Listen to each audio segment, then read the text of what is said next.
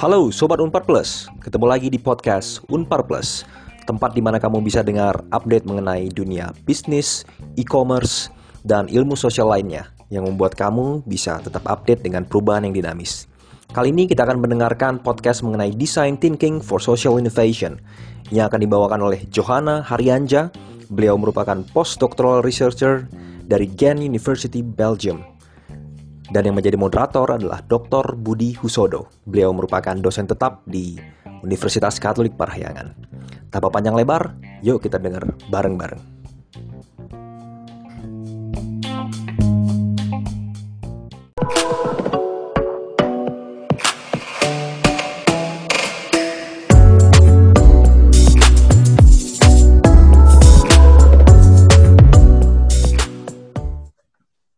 Pada kesempatan ini kita akan mendapatkan kesempatan yang istimewa. Ada Bu Johanna Octavia Haryanja yang akan menjadi pembicara. Beliau bergabung dari Belgia. Selamat pagi untuk Bu Jo yang sudah bergabung. Dan sebelum memulainya, izinkanlah saya mewakili Unpar Plus menyampaikan sedikit pengantar.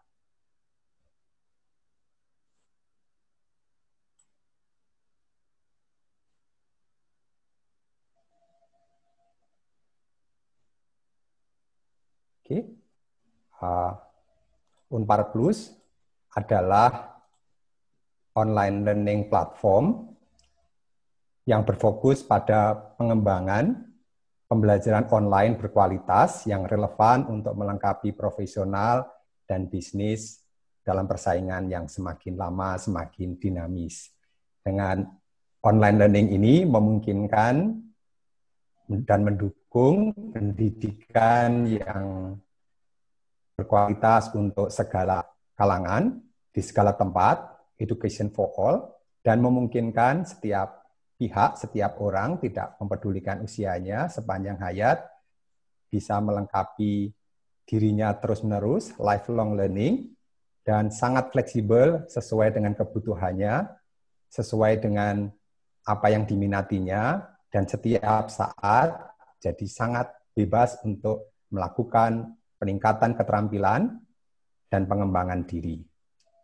Kami mempunyai beberapa produk layanan, baik berupa courses atau interaktif kelas secara langsung, dan yang Anda nikmati pada saat ini berupa webinar.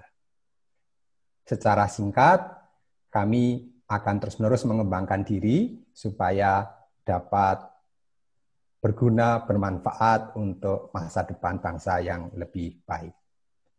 Oke, itu saja apa yang kami lakukan di Unpar Plus ini.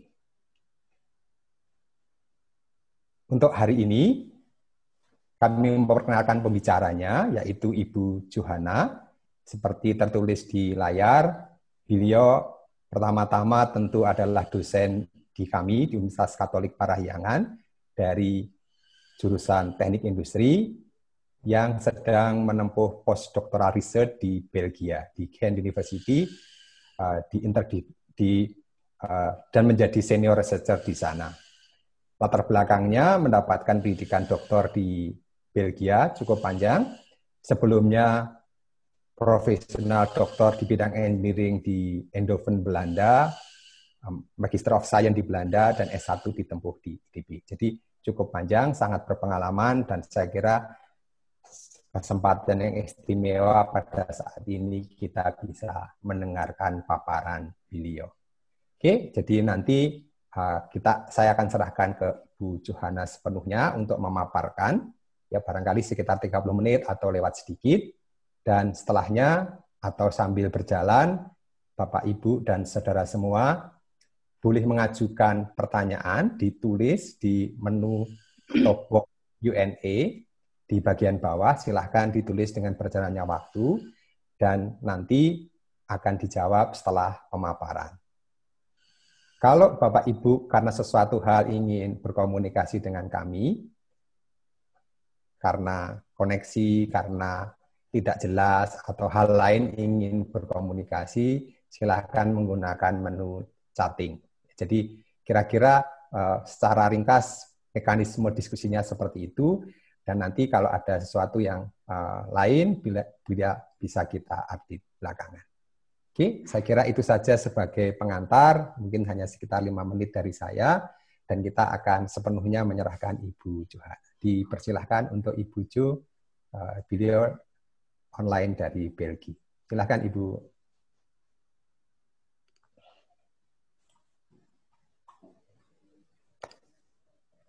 Iya.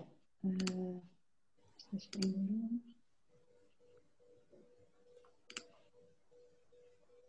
Ini saya sekaligus uh, ya. Ya, uh, selamat siang. Terima kasih Pak Budi untuk uh, introduksinya, uh, juga untuk uh, kesempatan uh, bergabung uh, sharing knowledge ya experience uh, di webinar Unplus Unpar Plus ini. Uh, salam siang juga buat Bapak Ibu, eh, rekan-rekan uh, yang juga telah bergabung dalam webinar kali ini. Terima kasih untuk teman-teman di Unpar Plus, untuk Pak Budi, untuk Pak Gandhi, Bu Maria, Mas Dianta yang telah memfasilitasi webinar ini. Ketika Pak Budi mengajak, mengontak saya beberapa waktu yang lalu, saya langsung berpikir apa ya kira-kira yang bisa saya sampaikan. Langsung saya berpikir karena kondisi COVID kali ini, mungkin uh, enaknya kita berbicara mengenai uh, sosial gitu ya, jadi nggak terlalu berat. Jadi uh, saat ini saya akan menyampaikan uh, topik uh, sharing knowledge experience di uh, bidang design thinking uh, for social innovation. Uh, juga sekaligus mungkin menemani uh, Bapak Ibu yang rekan-rekan uh, yang ngabuburit gitu ya uh, uh, sebelum berbuka puasa uh, hari ini.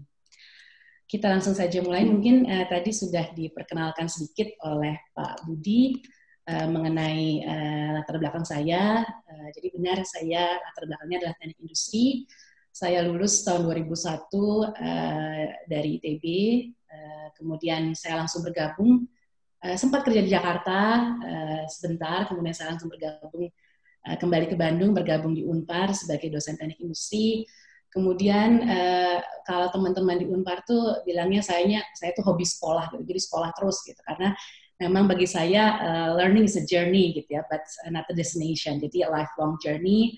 Uh, I always uh, strive for knowledge gitu ya, jadi nggak pernah bosan sekolah gitu. Jadi uh, latar belakang pendidikan saya selanjutnya adalah uh, product design, saya masih di bidang itu, kemudian uh, untuk doktor saya, kemudian profesional doctor in engineering di Eindhoven, uh, saya mendalami uh, lebih kepada interaksi uh, sistem dan user atau interaksi manusia dan komputer.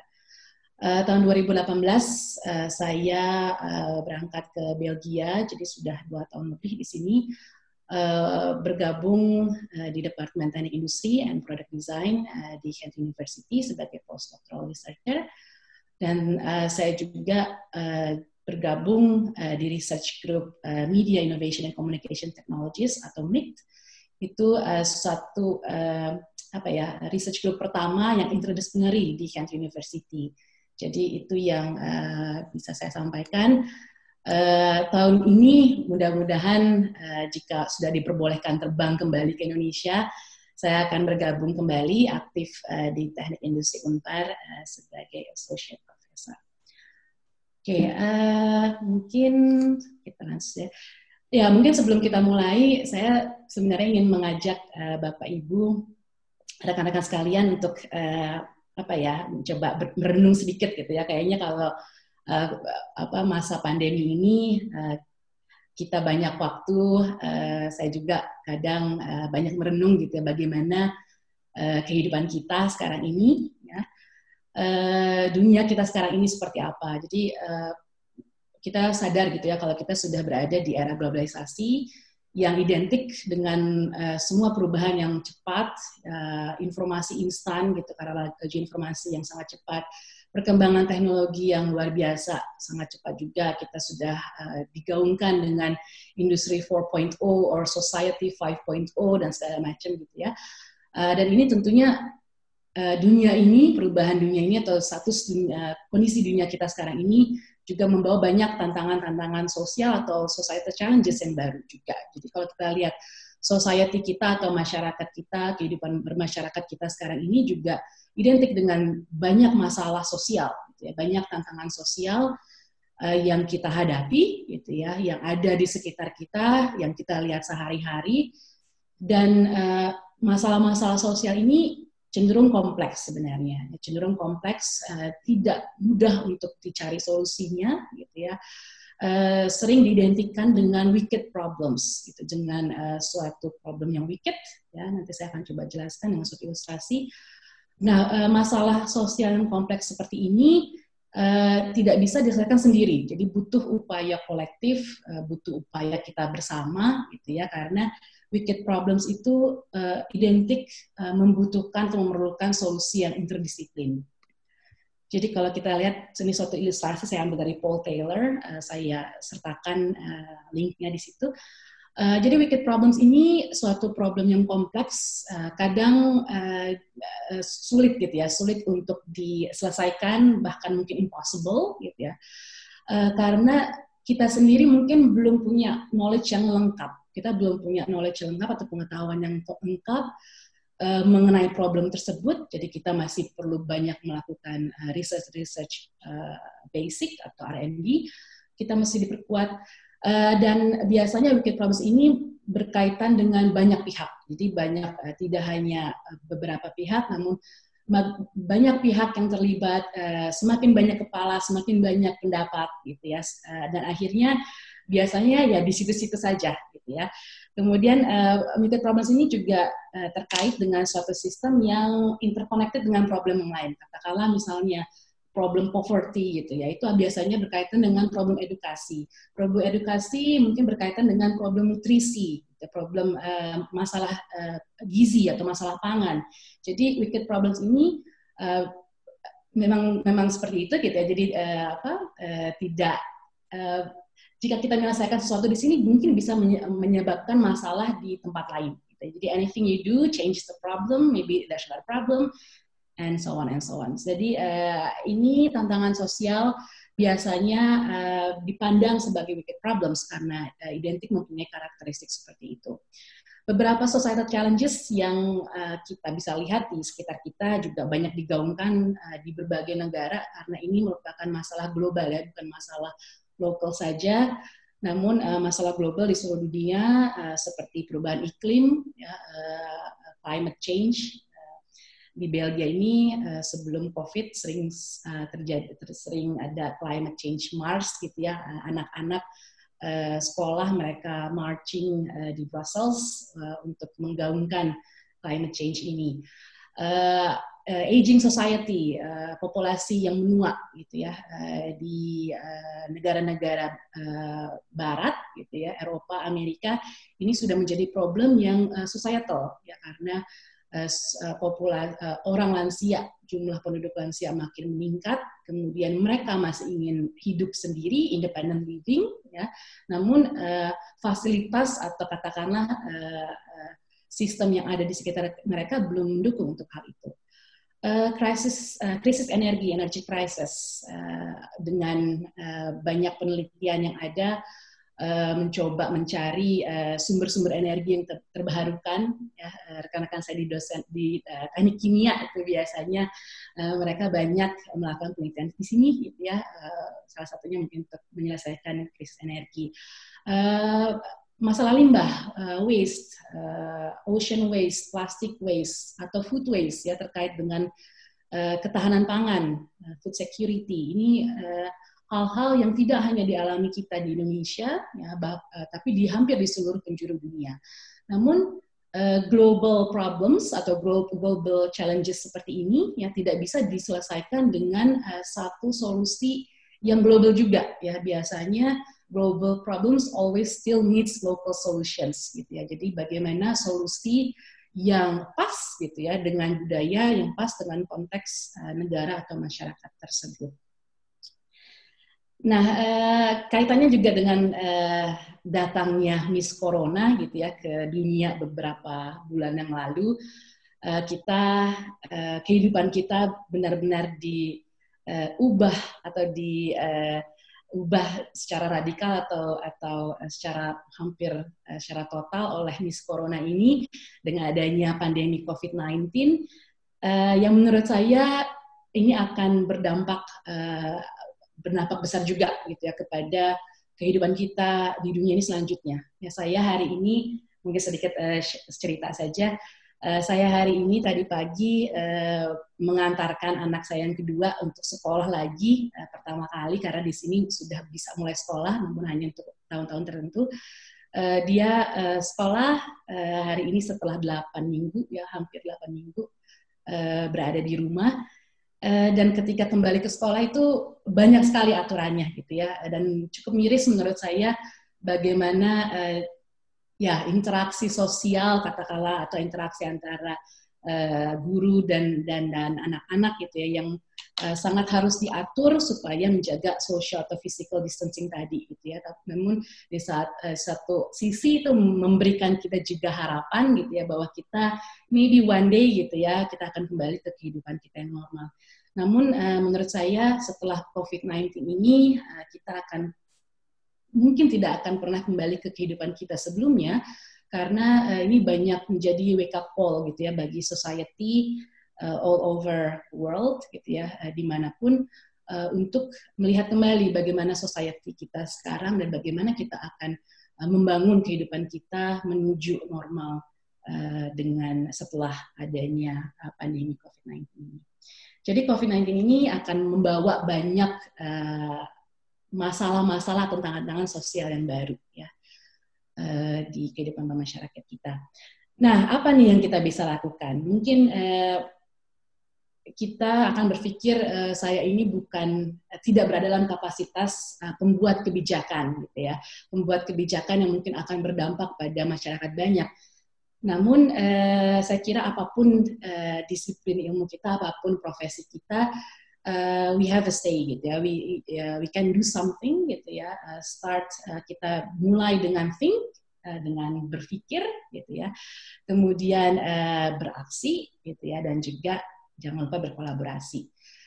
Uh, saya di sini ketika uh, kembali ke Belgia untuk postdoc uh, saya belajar banyak mengenai uh, interdisciplinary gitu ya. Saya uh, kalau saya nggak tahu kalau di Unpar uh, mungkin lebih monodisiplin gitu ya sekarang udah mulai membuka kepada multidisiplin interdisiplin namun udah saatnya menurut saya uh, kita ini membuka diri kepada uh, disiplin ilmu yang lain gitu ya. Kadangkala kita berada dalam silo kita masing-masing dalam pilar atau menara kita masing-masing ini udah saatnya kita untuk break the silos gitu ya. Jadi uh, break the silos kita nggak bilang oke okay, saya orang teknik industri kamu orang ekonomi atau kamu orang sosial dan seluruhnya.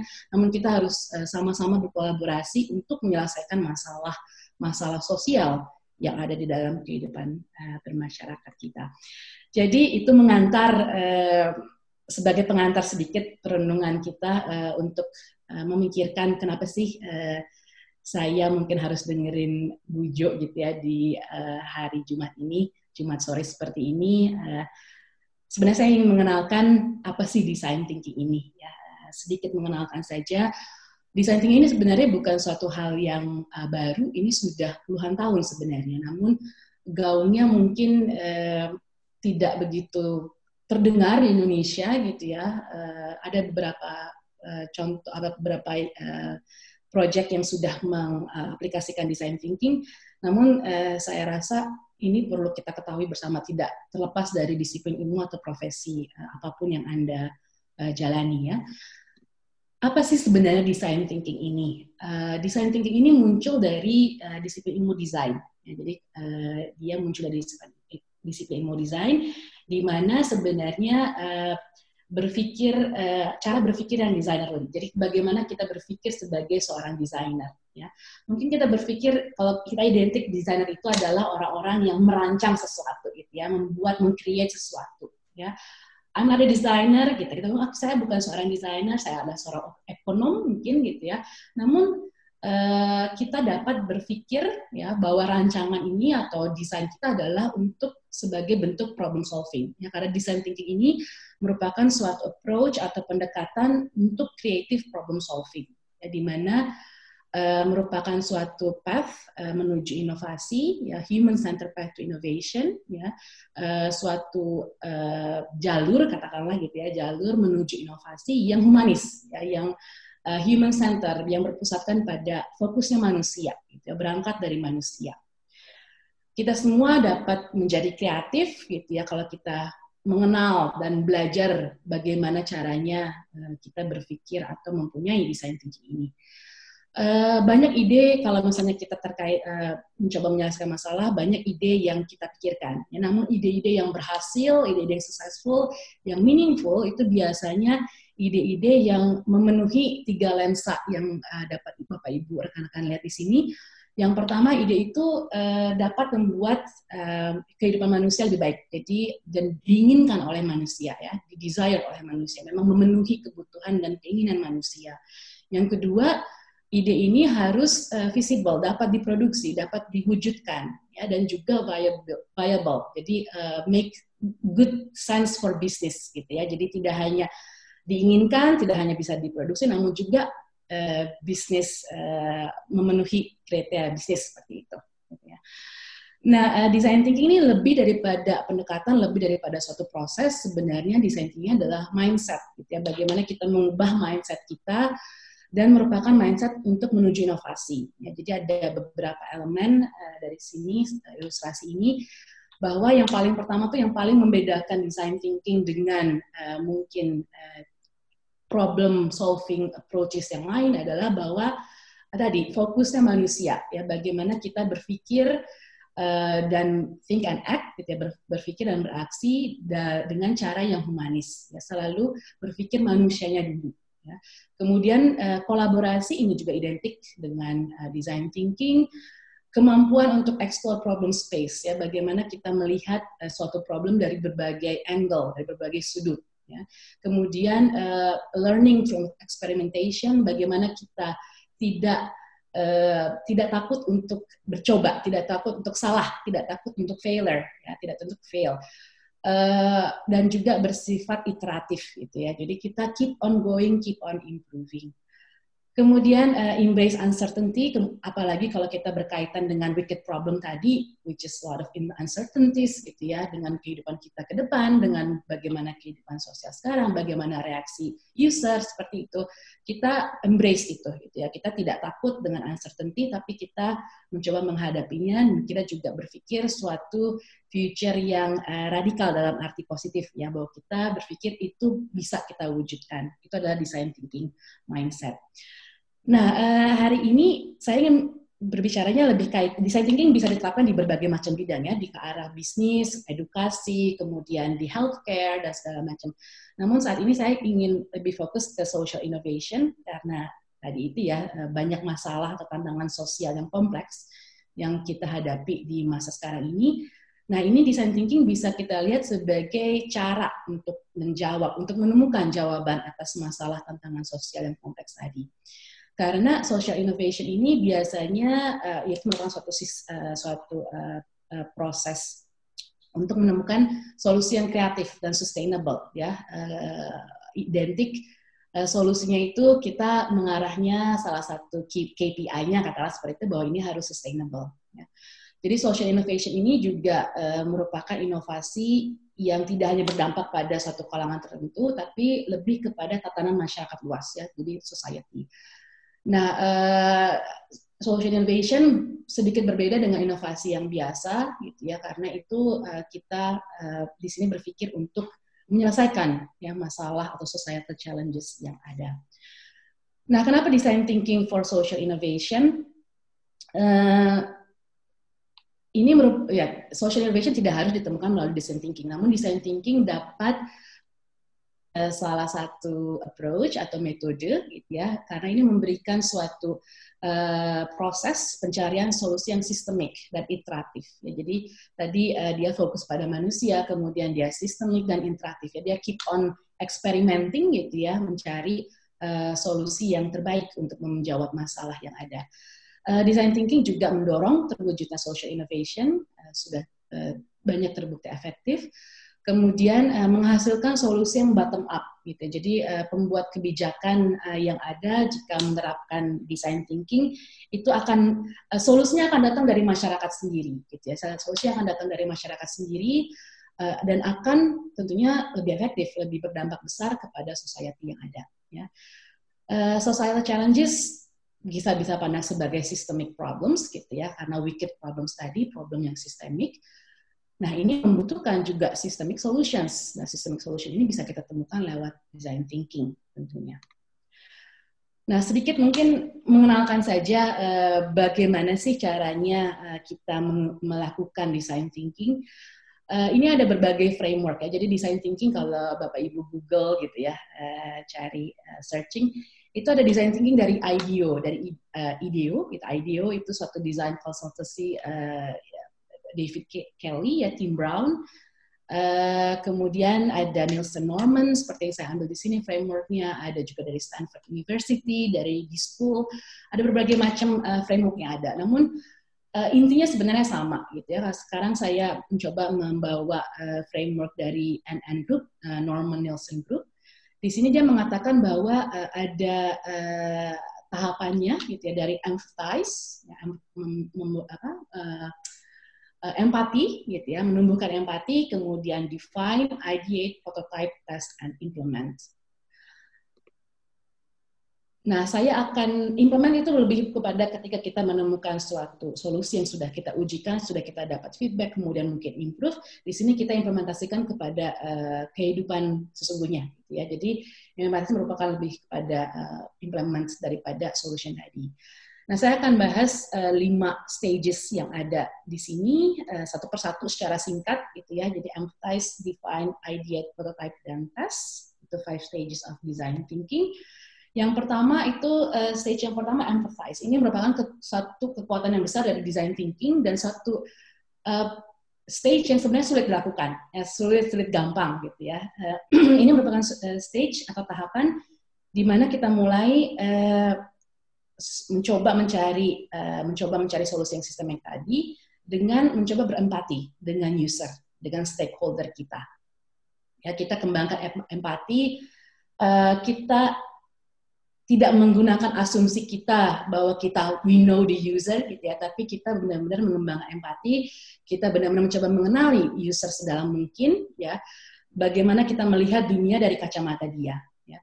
Ini banyak caranya gitu. Yang penting uh, yang terutama adalah harus ad, harus adanya interaksi yang cukup intensif dengan user ya ketemu dengan user ngobrol dengan user uh, uh, jalan bareng dia atau live in gitu ya. Uh, ada beberapa rekan di ITB uh, yang uh, menerapkan design thinking untuk uh, kehidupan petani di Lembang. Mereka benar-benar dosen-dosen tersebut mereka live in di Lembang gitu ya. Memeras uh, memerah sorry memerah memeras memerah sapi gitu ya.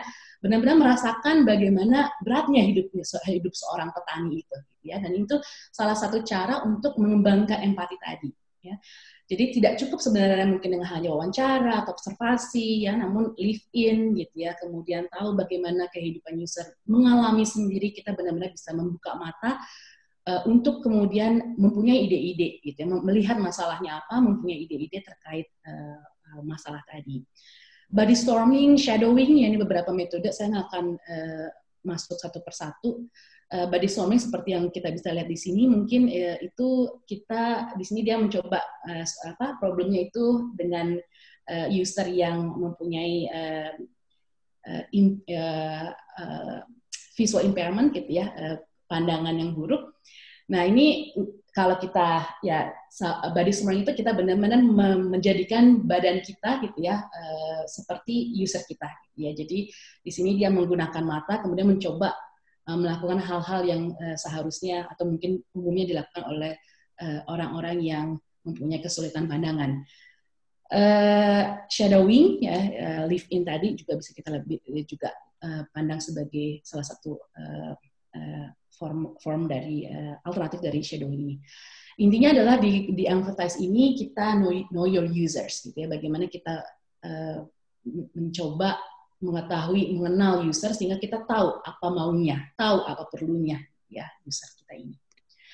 Yang stage kedua itu define. Ya, jadi ketika kita udah tahu, kita analisis dan sintesakan hasil empati kita, kita tahu, kita udah uh, udah mengerti katakanlah bagaimana dunia user kita, problemnya seperti apa.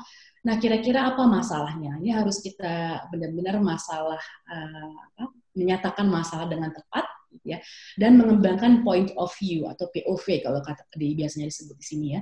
POV itu jadi kita menyatakan masalah kita dari point of view dari user ya. Uh, karena masalah uh, suatu masalah yang tepat uh, dinyatakan atau tepat di define itu biasanya kita bilang uh, a problem well stated is half solved gitu ya. Tapi kalau desain tinggi lebih melihat a problem well stated tidak hanya half solve, tidak hanya kita sudah menemukan setengah jalan ke solusi, namun juga merupakan chance untuk uh, melihat opportunity yang lain, gitu ya, opportunity peluang peluang-peluang yang lain untuk menyelesaikan masalah-masalah yang lain, misalnya, gitu ya. Uh, bagaimana itu dilakukan? Itu ada diagram affinity diagram seperti yang bapak ibu lihat di sini, kan? Uh, ada empathy mapping, ya, ada uh, eh, HMW questions, how might we questions. Uh, ini saya mungkin mengenalkan saja ya. Nanti kalau ada yang mau tahu apa kira apa detail daripada metode tersebut, mungkin saya bis, bisa di Q&A ya. Uh, stage ketiga itu ideate atau ideation. Uh, nah di sini ini sebenarnya paling seru menurut saya. Uh, ya selain empati, empati salah satu yang cukup berat gitu ya karena cukup intens. Kalau ideate ini waktunya kalau bagi desainer itu waktunya untuk mengeluarkan ide sebanyak mungkin. Jadi tujuannya itu mengeluarkan ide sebanyak mungkin, uh, be kreatif gitu ya, gunakan kreativitas untuk inovasi. Namun Uh, tentunya kita harus melakukannya sesistematik mungkin gitu ya. Bagaimana cara kita menyaring ide ya.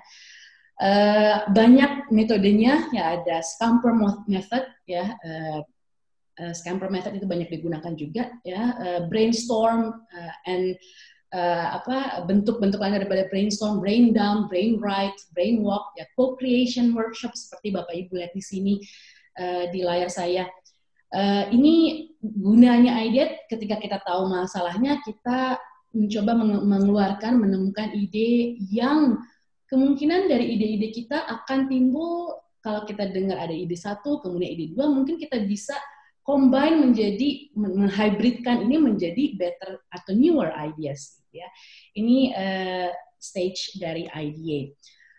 Nah, uh, stage 4 itu prototype ya. Kalau orang uh, Indonesia atau orang umumnya dengar prototype itu langsung mikirnya bentuknya harus fisik gitu ya, bentuknya harus uh, suatu 3D model gitu ya. Enggak juga gitu ya. Intinya sebenarnya di stage prototype ini bagaimana kita punya ide-ide yang tersaring tadi, gitu ya, kita mewujudkan ide itu ke dalam suatu bentuk yang tangible. Ya, kita mengkonkretkan ide kita yang abstrak menjadi sesuatu yang bisa kita lihat ya sesuatu yang bisa kita lihat bisa kita tes ke user nanti ya. Ini ada uh, low-fi prototype ada high-fi prototype. Jadi low, low fidelity atau low-fi prototype itu merupakan ide-ide yang uh, quick and dirty gitu ya. Jadi misalnya seperti uh, paper prototype kita mungkin men-sketch sesuatu gitu ya men-sketchakan ide kita uh, atau kita membuat cardboard mock-up seperti yang dilakukan uh, di layar ini di uh, gambar yang bisa Anda lihat di sini. Ada juga uh, high five fidelity, jadi setelah kita mungkin low fidelity, uh, kita bisa kembangkan ke uh, apa prototipe yang lebih uh, define, yang lebih detail, uh, berupa 3D model gitu ya, atau berupa uh, uh, suatu software, uh, working software misalnya jika bentuknya seperti itu. Intinya sebenarnya prototype ini adalah bagaimana kita mewujudkan ya, bringing ideas to life. Yang terakhir itu adalah tes. Jadi ketika kita, nah kadang ini uh, kalau saya lihat ya penelitian-penelitian yang di, yang uh, desain gitu, biasanya mereka oke okay, sampai pada prototipe langsung uh, desainernya puas gitu ya, langsung desainernya oke, okay, I have something gitu, saya punya prototip, prototipe, uh, ya sudah gitu ya, berarti saya sudah menyelesaikan solusi. Namun uh, stage terakhir atau uh, stage yang kelima ini uh, tes atau mengujikan mentes prototipe yang sudah kita buat kepada user. Jadi we come back to the user, kita tanyakan bagaimana feedback mereka, reaksi mereka kita lihat, dan kita mencoba menemukan rooms for improvement gitu ya, menemukan ruang untuk perbaikan. Di sini juga di tes ini bisa ya iterate, iterate, iterate. Ya itu kuncinya kalau kalau itu juga bagaimana kita juga setelah tes dapat feedback kita bisa improve, tes lagi, improve dan seterusnya. Ya. Bagaimana biasanya dilakukan? Kita bisa melakukan user test, kita bisa membandingkan beberapa alternatif prototipe. Uh, show, don't tell ya. Jadi bukan kita hanya mengatakan gitu ya, uh, tapi lebih kepada uh, dia juga menunjukkan. Jadi kita, si user juga menunjukkan bagaimana dia berinteraksi dengan uh, prototipe kita. Ya. Yang perlu juga ditekankan di sini bahwa yang dites itu prototipe gitu ya, not the user. Ini kadang-kadang usernya kalau begitu mau dites berasa di uh, diuji gitu ya. Uh, kita harus juga mengenalkan kepada menekankan pada mereka bahwa uh, Bapak Ibu teman-teman uh, yang kita uji adalah prototipenya. Kita ingin lihat bagaimana prototipe ini uh, digunakan gitu ya, bukan uh, bagaimana usernya. Nah, itu sedikit mengenai uh, design thinking, uh, social innovation.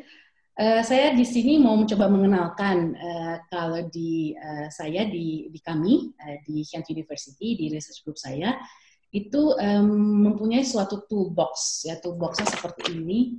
Ya ini saya nggak tahu kelihatan atau enggak. Uh, toolboxnya itu uh, namanya user innovation toolbox.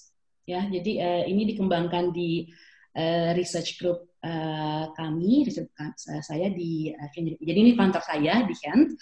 Uh, ini nama uh, research groupnya MIC ya, Media Innovation Communication Technologies. Uh, di MIC ini uh, kita benar-benar fokus kepada digital society gitu ya, bagaimana kita ada ada ya teknologi, uh, market and society gitu ya, bagaimana kita mencoba uh, menemukan ya inovasi-inovasi juga uh, health uh, media and communication technology Eh, dan juga mengaplikasikan design thinking uh, di dalam research project yang ada. Kenapa uh, user innovation? Ya kita bilangnya kadang uh, tidak mengatakan design thinking tapi ngomongnya user innovation karena ada shifting ya dari uh, traditional innovation bagaimana kita menemukan inovasi dengan cara yang biasa dengan adanya experience ekonomi kita berangkat ke user innovation ya inovasi yang datang dari user di sini uh, di research group kami, uh, research group directornya Liven Demare, um, beliau mengembangkan user innovation toolbox ini sebagai uh, suatu metodologi untuk melakukan user user centric uh, innovation. Ya, jadi uh, saya mungkin sedikit cepat saja di sini mencoba me, uh, menunjukkan ya. Uh, jadi di box ini tuh ada uh, nggak apa-apa ya tunjukinnya. Jadi ini ada map seperti ini yang tadi kita lihat. Ya. Map ini uh, kita bisa gunakan untuk membantu sebenarnya memberikan kita panduan terhadap eh, uh, 70 research methods ya yang mengaplikasikan design thinking. Ya. Uh, ini terus saya baru tahu gitu ya dan juga baru belajar uh, ketika saya postdoc di sini dan menurut saya ini sangat menarik ya pingin tes pingin coba sih sama teman-teman di Indonesia gitu ya untuk uh, belajar bareng mengaplikasikan 70 metode untuk mengaplikasikan design thinking. Uh, ini mungkin sedikit secara uh, cepat saya mungkin mencoba mengilustrasikan bagaimana research research project um, apa di MIC itu uh, kita lalui uh, proses design thinking. Pertama tadi empathize ya, who is the user?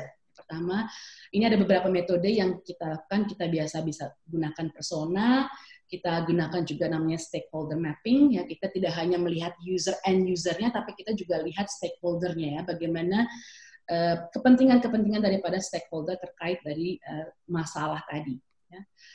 Jadi kita kembangkan suatu persona gitu ya eh, berdasarkan empati kita terhadap user, kita bisa mencoba um, apa ya um, menuangkan ya menuangkan bagaimana pengertian kita terhadap user yang sudah kita uh, dalami gitu ya ke dalam uh, suatu karakter gitu ya uh, suatu karakter yang akhirnya bisa menjadi guidance gitu ya bagi tim selanjutnya bahwa kita akan menyelesaikan, kita akan menghasilkan suatu problem, eh, suatu, sorry, suatu solusi berupa produk atau service untuk si Sarah, gitu ya, dalam hal ini si Sarah. Uh, stakeholders, ya, tadi saya sudah katakan, saya uh, lanjutkan dengan uh, cepat. Kemudian uh, yang kedua tuh uh, what do they want ya define the problem ya uh, beberapa metode yang membantu ya uh, seperti environmental scanning, pastel, skenario analysis, ya, uh, COCD box, ya, banyak sekali uh, ide, apa metode-metode uh, yang bisa kita terapkan di sini. Oke, ini COCD box. Kemudian yang ketiga, setelah kita define, let us get creative ya. Bagaimana kita masuk ke proses ideate, ada creative brainstorming, ada game storming, GPS brainstorm kit, uh, bull's eyes diagramming, ya banyak tentunya tidak harus digunakan semuanya, ya kita bisa uh, gunakan sesuai dengan konteks uh, penelit atau konteks uh, project kita. Ya kalau bapak ibu bisa lihat di layar bahwa di kiri di kan kiri bawah itu ada dua strip 5, 6, strip 12. Jadi itu kira-kira menyatakan berapa sih orang yang kita bisa yang kita dapat involve untuk melakukan metode ini okay, uh, eyes. Uh, setelah ideate kemudian make it happen, ya prototype, Wizard of Oz, uh, low fidelity paper prototyping, konsep poster berupa sketches, ya, uh, experience map seperti customer journey seperti ini, kita bagaimana kita memapkan uh, uh, journey daripada customer atau user kita. And yang terakhir adalah does it work ya, tes kita mengujikan uh, prototipe kita, berbagai metode yang bisa digunakan, cognitive walkthrough, thinking aloud protocol, seperti ini.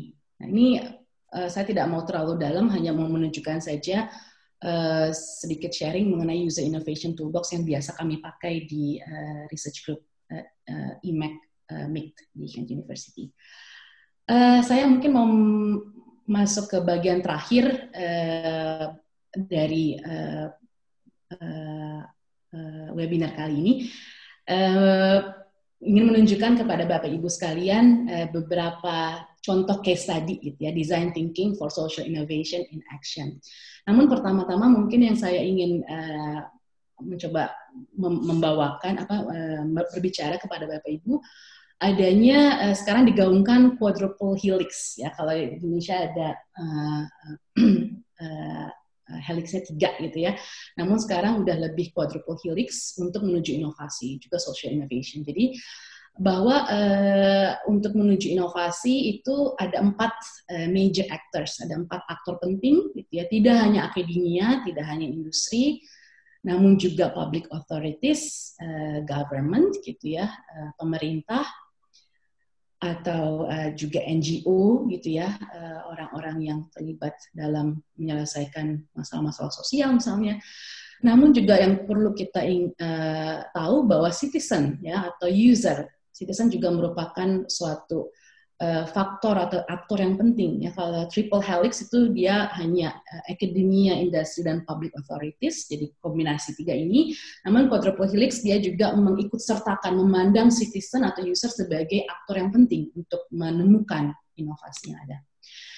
Case pertama uh, Hello Jenny case ya ini uh, suatu project yang uh, research project yang kami lakukan di Belgia di MIT di research group kami. uh, societal challenge yang di touch di sini adalah aging society ya populasi yang menua ya. Terutama di Belgia ini banyak sekali orang tua gitu ya. Banyak sekali orang tua namun tadi saya sudah katakan orang tuanya nggak mau tinggal di sini nggak nggak ada cerita misalnya tinggal sama anaknya gitu ya. Mereka tetap ingin tinggal sendiri atau dan jarang ada yang mau ke uh, panti jompo gitu ya. Uh, unsur sentrum namun uh, mereka tetap ingin sendiri. Namun ada ada masalah lain yang timbul di situ ya bahwa mereka mengalami isolasi sosial karena mereka mungkin secara fisik terbatas gitu ya mereka tidak bisa begitu mobile seperti uh, biasanya. Mereka akhirnya banyak di rumah gitu ya uh, dan ya bisa dikatakan kalau di negara-negara maju seperti di sini kontak sosial juga antar keluarga saja itu mungkin kurang kurang kurang dekat ya, kurang dekat seperti Indonesia. Sehingga lansia ini mengalami isolasi sosial yang cukup besar dan juga berdampak besar pada kesehatan mental mereka. Namun problemnya di sini eh, orang-orang di yang tadi saya katakan eh, kurang dekat dan juga waktu ya karena tadi eh, hidup yang cepat, eh, penuh kesibukan dan segala macam gitu ya. Banyak waktu eh sorry, eh, banyak waktu yang yang uh, di-spend untuk kegiatan-kegiatan uh, penting dan kontak sosial dengan lansia menjadi uh, terbatas waktu untuk uh, spend ke sana. Nah, Hello Jenny di sini uh, ini satu project untuk sebenarnya mencoba mengempower, empower uh, uh, lansia di Belgia supaya mereka um, mempunyai social inclusion ya di dalam digital digitizing atau digital society saat ini. Uh, problemnya sebenarnya uh, dengan lansia kami adalah mereka ya takut teknologi gitu ya. Uh, cukup takut teknologi menggunakan Skype atau Zoom atau FaceTime atau apa pun gitu ya. Menggunakan smartphone itu bagi mereka itu suatu hal yang aduh uh, kalau bisa enggak deh gitu ya.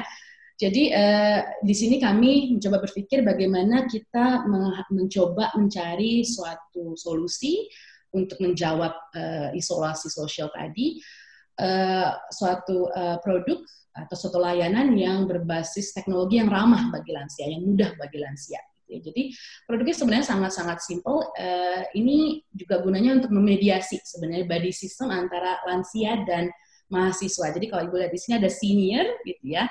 Senior ini namanya Jenny, itu persona kami. Kemudian ada student ya, student atau mahasiswa atau siswa yang mungkin mempunyai waktu gitu ya.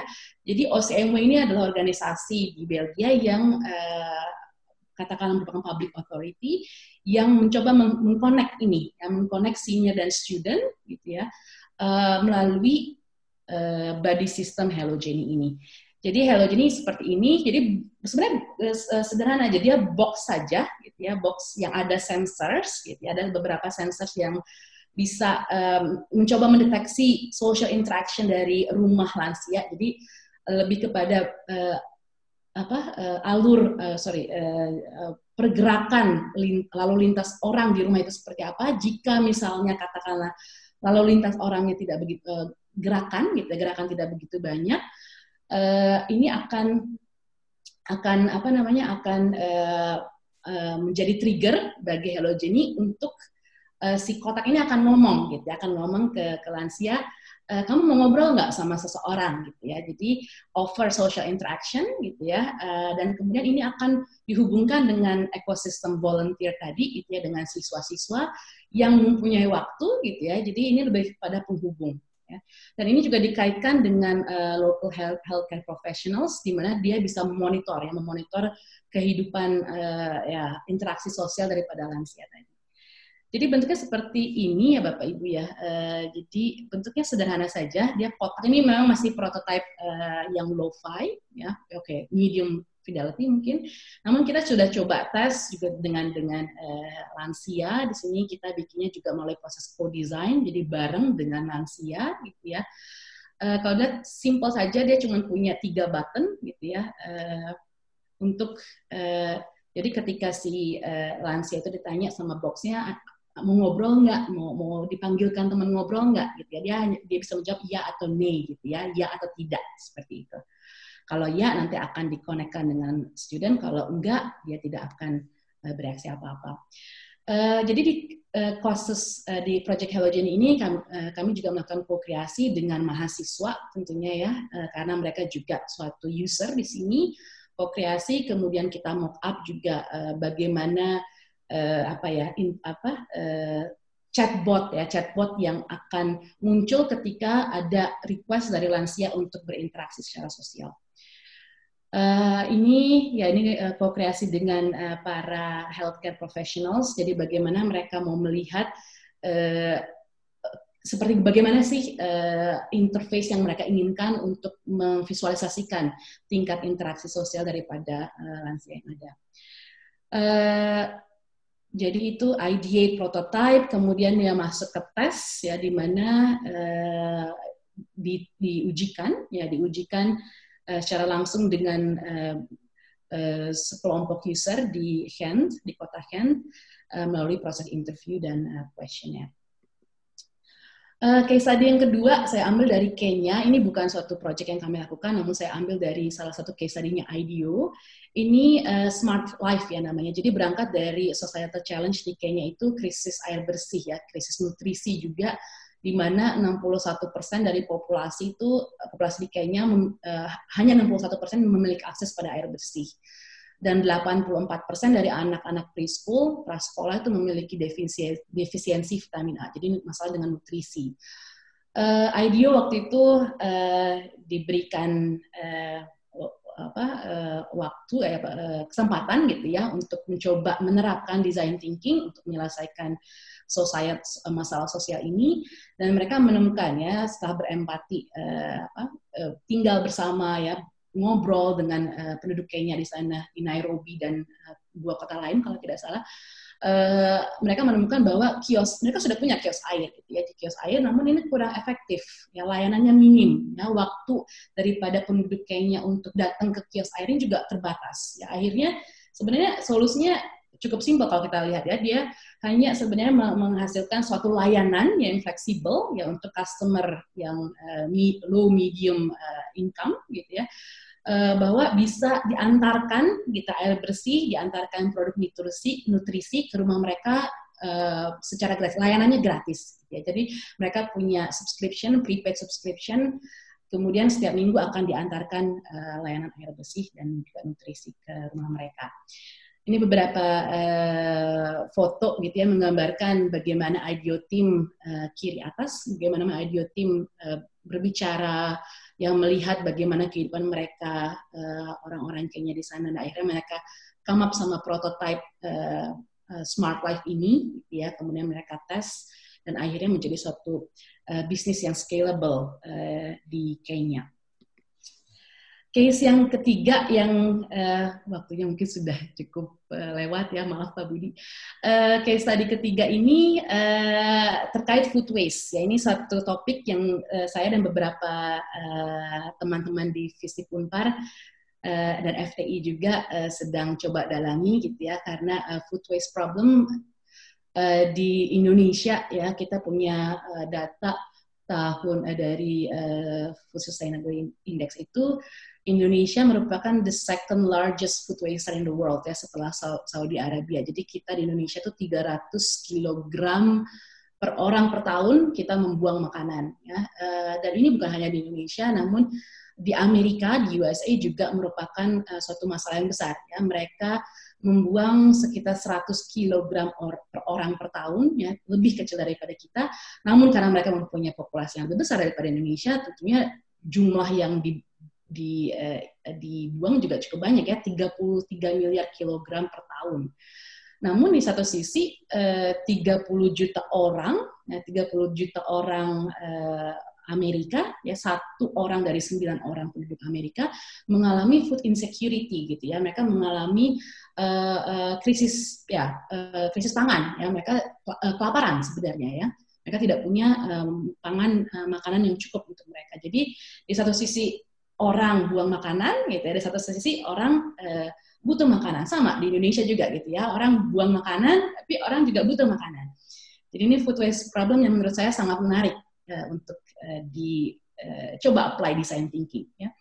Nah, uh, yang saya mau katakan di sini uh, satu uh, ini ya satu solusi uh, lahirnya juga dari apply application of design thinking dari empat mahasiswa di University of Maryland tahun 2011 ya empat mahasiswa ini mereka uh, uh, apa namanya uh, uh, datang sekali uh, sisa-sisa makanan gitu ya makanan yang tidak terjual gitu ya atau makanan yang tidak dihabiskan gitu ya seperti itu yang akhirnya mereka mencoba berpikir yang mengaplikasikan desain thinking nah akhirnya mereka keluarlah dengan uh, namanya Food Recovery Network. Ya, ini merupakan suatu student the largest student movement uh, in the US ya fighting for food waste and hunger di uh, eh, USA jadi sebenarnya simple ya mereka hanya menjadi penyalur gitu ya. Mereka istilahnya food recover ya. Mereka mengumpulkan makanan yang masih layak dimakan ya. Namun bagi mungkin kantin itu sudah kada luasa dalam tanda kutip karena ya itu ya ada food food uh, apa ya expiry date-nya mungkin sudah akan lewat atau sudah lewat namun masih layak makan ya. Jadi ini coba mereka recover, mereka kumpulkan, mereka kemas ulang dengan baik, mereka simpan ya sementara dan akhirnya mereka trans uh, mereka uh, transportasikan ya ke, uh, ke hunger fighting partners. Jadi mereka punya partner-partner NGO atau misalnya uh, orang apa uh, organisasi yang uh, uh, berjuang dengan uh, melawan hunger gitu ya. Jadi uh, program Food Recovery Network ini berawal dari 2011 dan sampai sekarang itu sudah 230 chapter ya, tersebar di seluruh USA di berbagai universitas dan uh, sekolah gitu ya uh, di USA yang punya Food Recovery Network. Saya kebayang kalau ini kita punya nih di Indonesia gitu ya kayak seperti ini untuk mungkin ya bisa juga me menjadi uh, apa awal yang baik ya untuk uh, uh, fighting food waste. Ya, ini beberapa uh, uh, foto saja untuk menggambarkan bagaimana uh, kiri atas mahasiswa ya mulai uh, mengumpulkan makanan yang tidak terjual di kantin seperti itu, mengemas kembali kemudian menyimpan ya memberikan kepada uh, hunger fighting partners ya, yang akhirnya disalurkan kepada orang-orang yang kelaparan atau membutuhkan uh, makanan tadi. Oke, okay, uh, sebagai penutup uh, ya closing dari saya. Uh, jadi tadi saya ya mungkin terlalu banyak berbicara mengenai design thinking for social innovation. Uh, namun ya untuk menutup saya melihat ini merupakan suatu uh, pendekatan uh, yang tepat gitu ya, yang baik dan uh, uh, visible untuk dilakukan untuk creative problem solving ya, untuk mengadres societal challenges yang biasanya notabene merupakan wicked problems. Ya. Design thinking ini uh, human centered path ya to social innovation, uh, kuncinya adalah empati. Semua kita dapat mempunyai design thinking method ya, uh, design thinking mindset. Semua bisa kreatif, semua bisa inovatif, ya, bisa innovate design thinking is about doing. So let's start together today and give design thinking a try.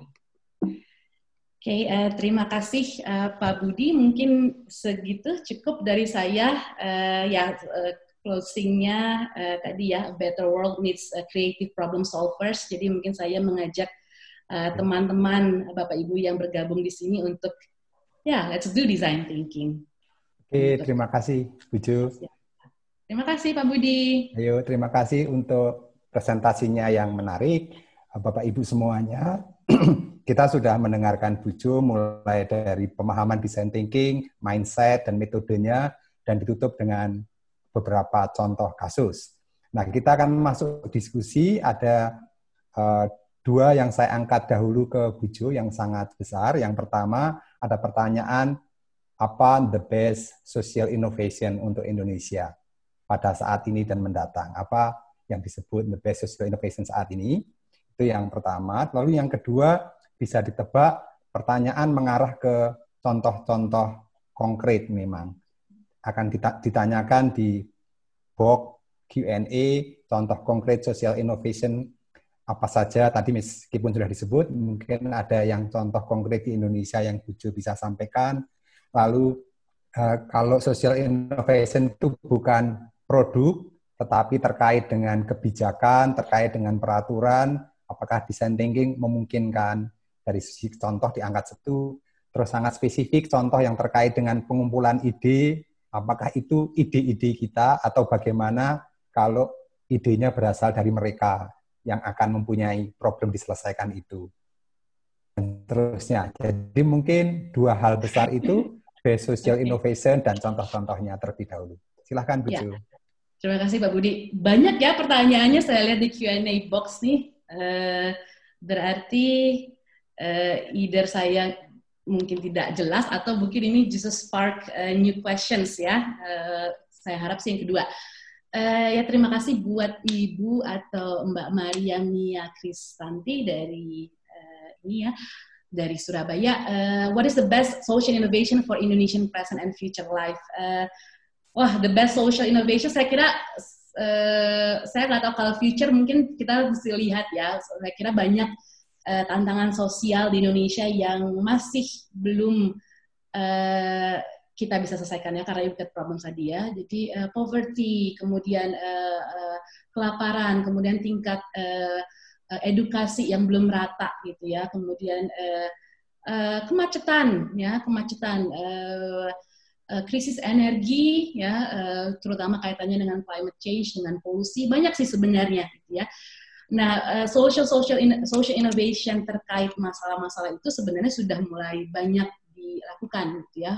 Teman-teman saya di visit ya dan juga beberapa teman yang lain sudah banyak melakukan hal-hal ke arah sana gitu ya saya kira saya tidak mau atau tidak bisa men, men, menunjukkan what is the best one gitu ya. Uh, namun uh, kita bisa lihat sudah ada arah upaya ke sana gitu ya. Dan uh, sebenarnya saya di sini juga mengajak gitu Bapak Ibu untuk uh, let's go for it gitu ya. Let's go to do social innovation gitu ya. Let's care for our society. Uh, kemudian ya untuk uh, kita sendiri mungkin yang bisa um, menghasilkan social innovation uh, untuk Indonesia. Uh, pertanyaan yang kedua ya Pak Pak Budi ya. Saya baca di sini ya Pak Budi yang tadi Pak Heri Winoto ya. Atau ini anonim mungkin ya. Sorry. Uh, ya terima kasih Pak Heri uh, untuk uh, pertanyaannya. Uh, apakah tahapan desain ini masih memiliki persyaratan spesifik? Kayak uh, jadi desain thinking ini memang awalnya dari uh, desain ya. Jadi tapi tidak hanya seperti tadi saya katakan di awal, tidak hanya permasalahannya itu uh, tidak hanya untuk menghasilkan suatu produk saja yang tangible, namun juga bisa diterapkan di berbagai bidang kehidupan ya, di organisasi, di kepemimpinan, gitu, di suatu perguruan tinggi, di suatu sekolah, gitu ya. Kalau bapak ibu uh, Google ada design thinking for educators ya, di mana ada toolkit sendiri uh, yang mengaplikasi kayak toolbox tadi yang mengaplikasikan design thinking untuk uh, edukasi gitu ya untuk guru-guru uh, eh, SD, SMP, SMA di Amerika gitu ya yang aplikasi banyak di Amerika. Mereka menerapkan design thinking ini untuk mencoba ya mencari inovasi untuk uh, classroom mereka untuk pendidikan untuk uh, belajar sehari-hari di sekolah mereka ya. Jadi uh, dan tahapannya ya itu tadi ya uh, empati sampai dengan tes tadi pertanyaan yang berikutnya yang eh, mengeluarkan ide. Ini ide kita idenya memancing memancing ide user ya. Jadi eh, oke okay, eh, kita bisa gunakan dua hal ya. Kita bisa melibatkan user untuk di dalam proses ideation gitu ya di mana kita misalnya melakukan co-creation seperti yang dilakukan oleh Hello Jenny, kita desain bareng ya, kita eh, ideate bareng dengan para lansia, jadi uh, para lansia itu uh, kita lakukan co-creation workshop ya di mana mereka juga dilibatkan untuk mengeluarkan ide-ide gitu ya.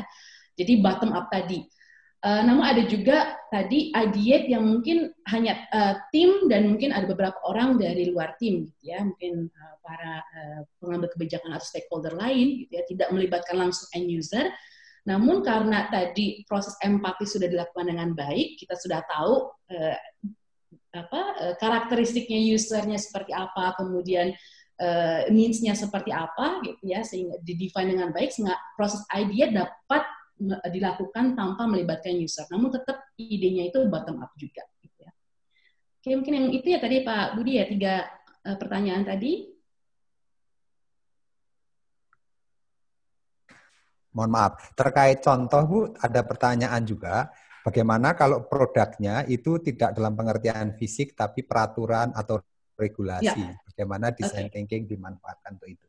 Ya, uh, jadi design thinking tadi saya katakan tidak harus produk ya, jadi tidak harus produk, bisa juga layanan, bisa juga kebijakan. Ya, uh, saya punya uh, rekan uh, uh, dosen di ITS gitu ya, dia uh, bekerja sama dengan pemerintah kota Surabaya uh, mencoba mengaplikasikan design thinking untuk Doli gitu ya untuk uh, apa uh, kampung Doli.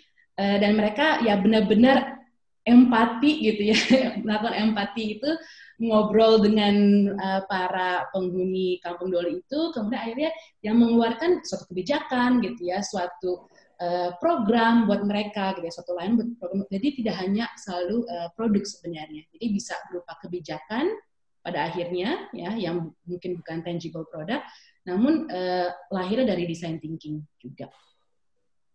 Begitu Pak Budi? Oke. Oke, kita masuk ke pertanyaan mungkin kelompok yang kedua Ibu Jo. Ini mungkin uh, dari teman-teman akademisi terkait tentang metode. Uh, ya. Apakah metode empati itu bisa disubstitusi misalnya dengan data analisis? Bagaimana dengan mensubstitusi proses?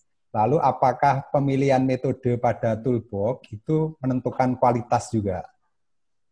Nah, ya. terkait lebih lanjut lagi tentang metode keseluruhan digunakan itu waktu yang dibutuhkan totalnya itu akan berapa siklus tahapan-tahapan seperti itu? Mungkin okay. itu dulu. Ya, uh, tadi yang pertama Pak ya, yang metode apakah metode yang stage pertama empathize itu bisa di, di substitusi dengan data analysis? Eh, kalau boleh straightforward nggak nggak bisa gitu ya, eh, karena itu merupakan suatu power daripada design thinking, gitu ya interaksi dengan user gitu. Jadi kalau kita hanya berdasarkan data, oh uh, that person uh, orang itu pada saat itu ngomong itu gitu ya. Jadi kita melakukan menggunakan data history gitu ya atau data analisis dari suatu masyarakat uh, menurut saya tidak cukup gitu ya. Itu kita bisa gunakan sebagai data pendukung ya.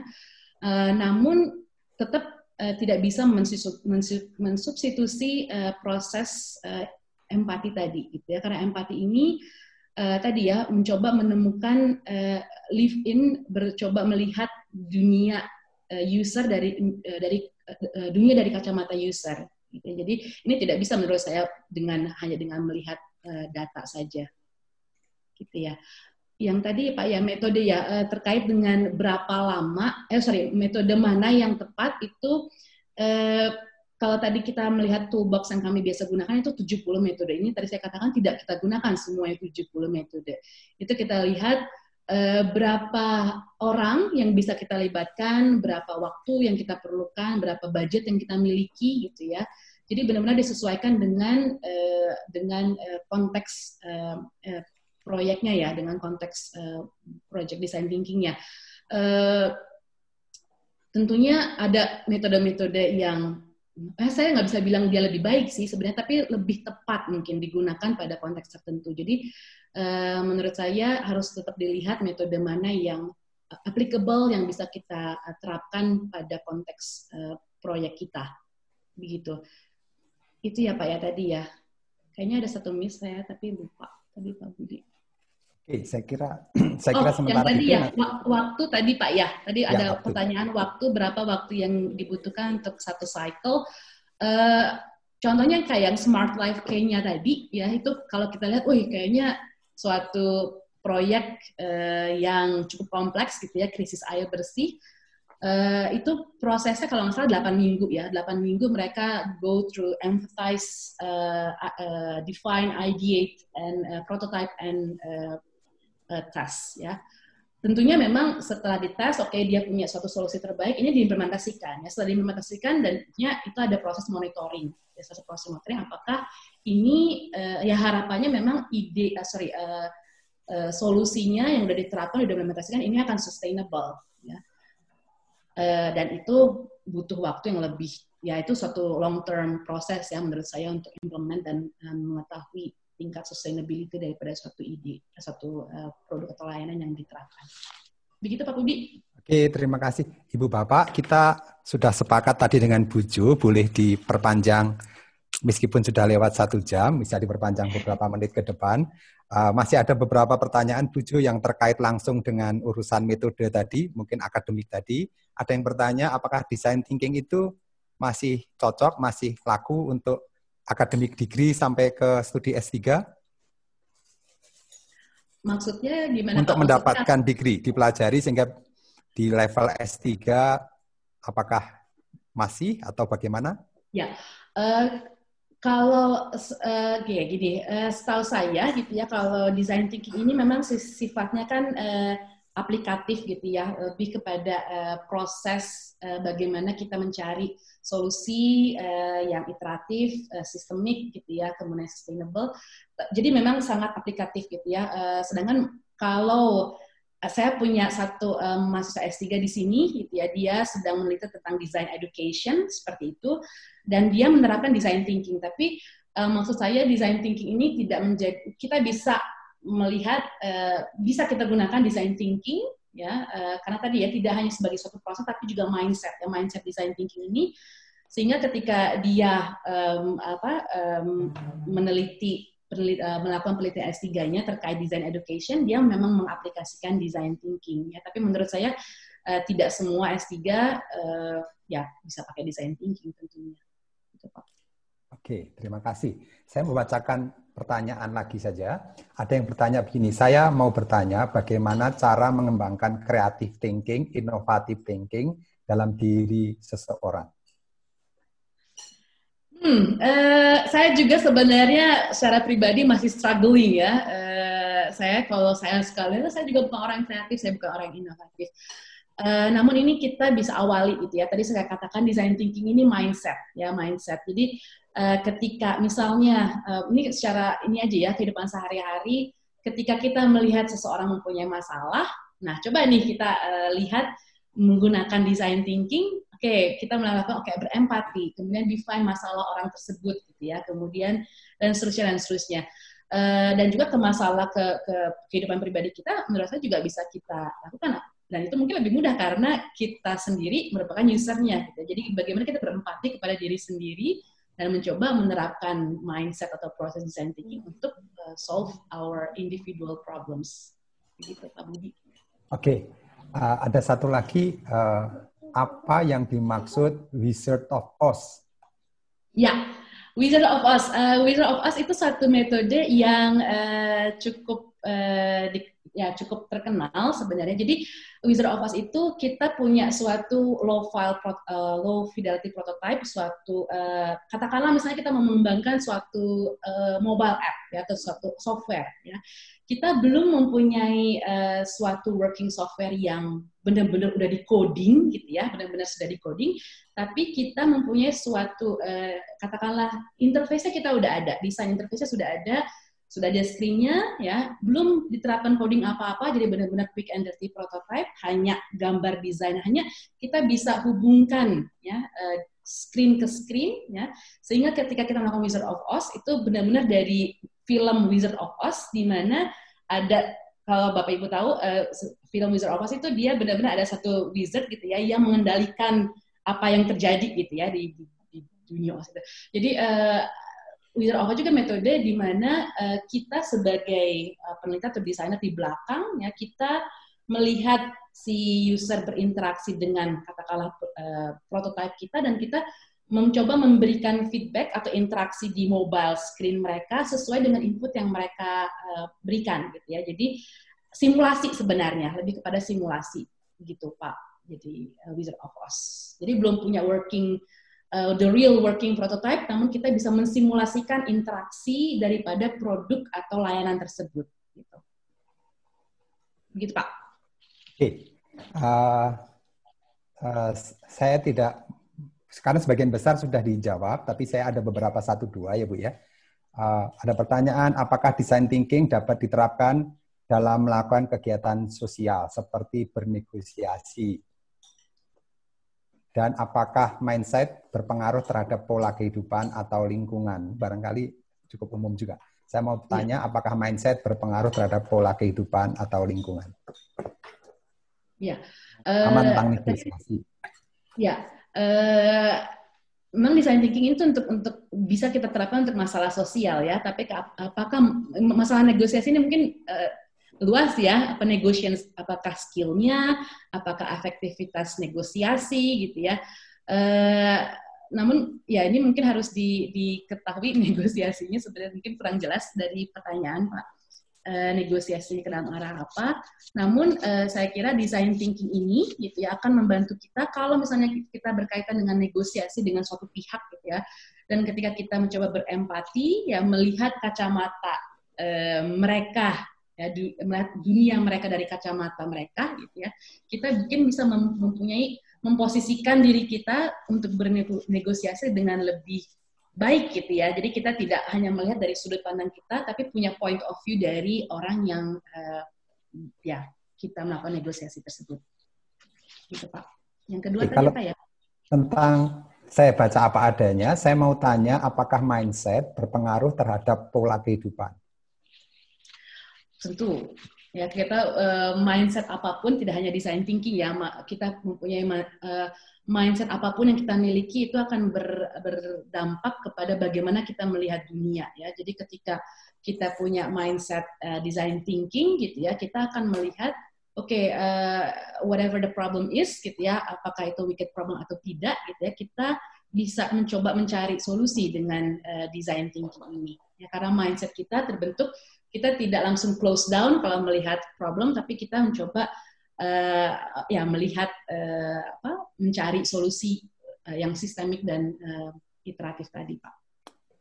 Baik, uh, masih ada satu pertanyaan yang ditambahkan sebelum kita akhiri. Uh, Buju, izin satu lagi mohon penjelasan tentang brainwash. Brainwash? Wash, ya. Brainwash atau brainwalk ya Pak ya? Brainwash, ya nggak tahu ini brainwash atau cuci otak atau apa ini, ya. Oh tadi saya nggak ngomong brainwash, uh, saya tadi ngomong metode. Uh, saya boleh share screen Pak ya mungkin ya? Ya, silahkan. Ibu. Ya.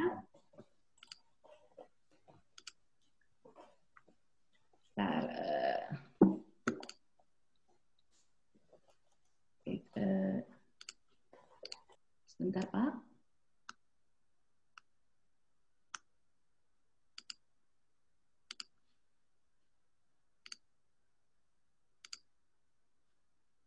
Kelihatan Pak ya screen saya tidak ya? Uh, belum ya? Belum, belum. Ya, yang okay. dimaksud cuci otak betul Bu. Konfirmasi dari penanyanya tentang cuci otak ya.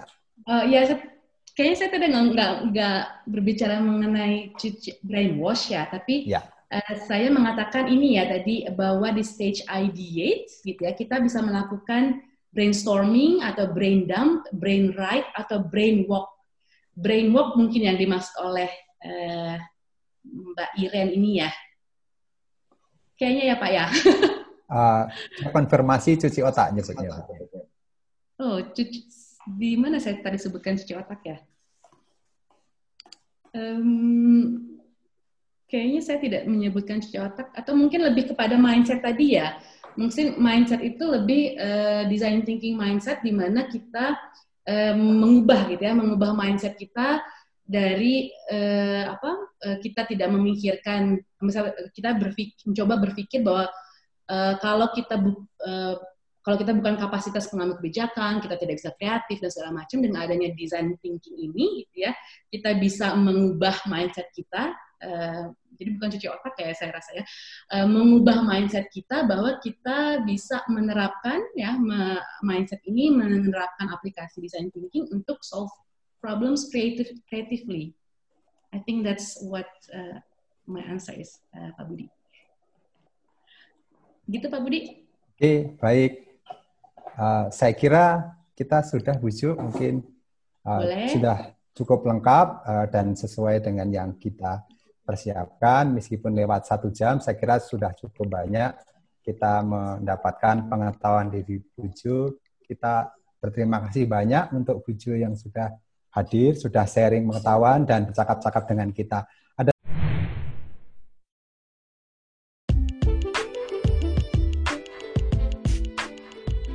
Oke, terima kasih kepada Sobat Unpar Plus yang telah mendengarkan podcast ini. Semoga ini dapat berguna bagi kita semuanya. Tetap keep update dengan podcast kami dan juga dapat mengikuti Instagram kami di Unpar Plus. Begitu juga dengan YouTube kami Unpar Plus. Dan bila ingin mencari course, online course, pembelajaran online lainnya bisa ketik saja www.unparplus.id. Sampai bertemu kembali. Salam